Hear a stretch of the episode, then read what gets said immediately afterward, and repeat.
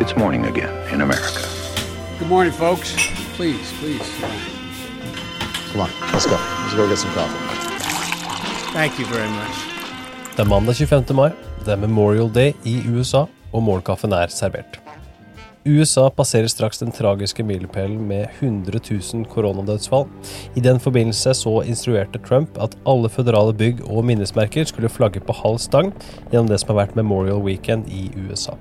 Selve Memorial Day er altså i dag, og det skal da i utgangspunktet hedre amerikanske soldater som har mistet livet i tjenesten.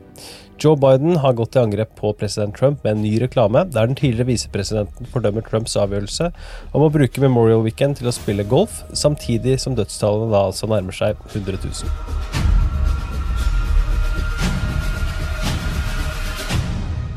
New York Times valgte på sin side å vie hele forsiden av søndagsutgaven, pluss tre ekstra sider, til navnene på 1000 amerikanere som har mistet livet pga. covid-19.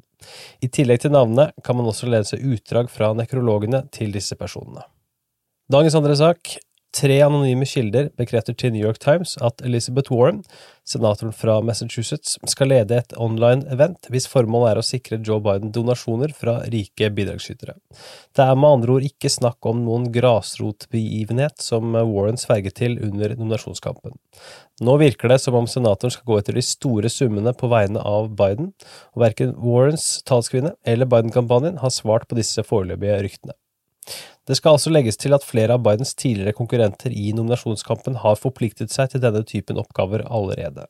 Pete Buttigieg samlet inn en million dollar på fredag, og blant de potensielle visepresidentkandidatene er det ventet at senatorene Amy Klobuchar fra Minnesota og Kamala Harris fra California skal bidra i juni.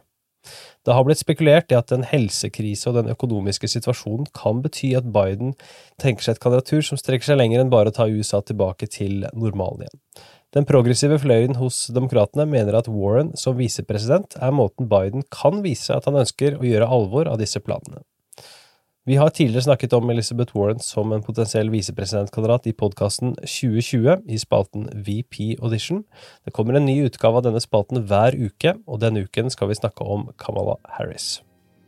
På amerikanskpolitikk.no kan du lese mer om Pennsylvania, der de frykter et presidentvalg i limbo, og stikkordene her er poststemmeordningen, og at resultatet kan drøye vesentlig lenger enn valgnatta.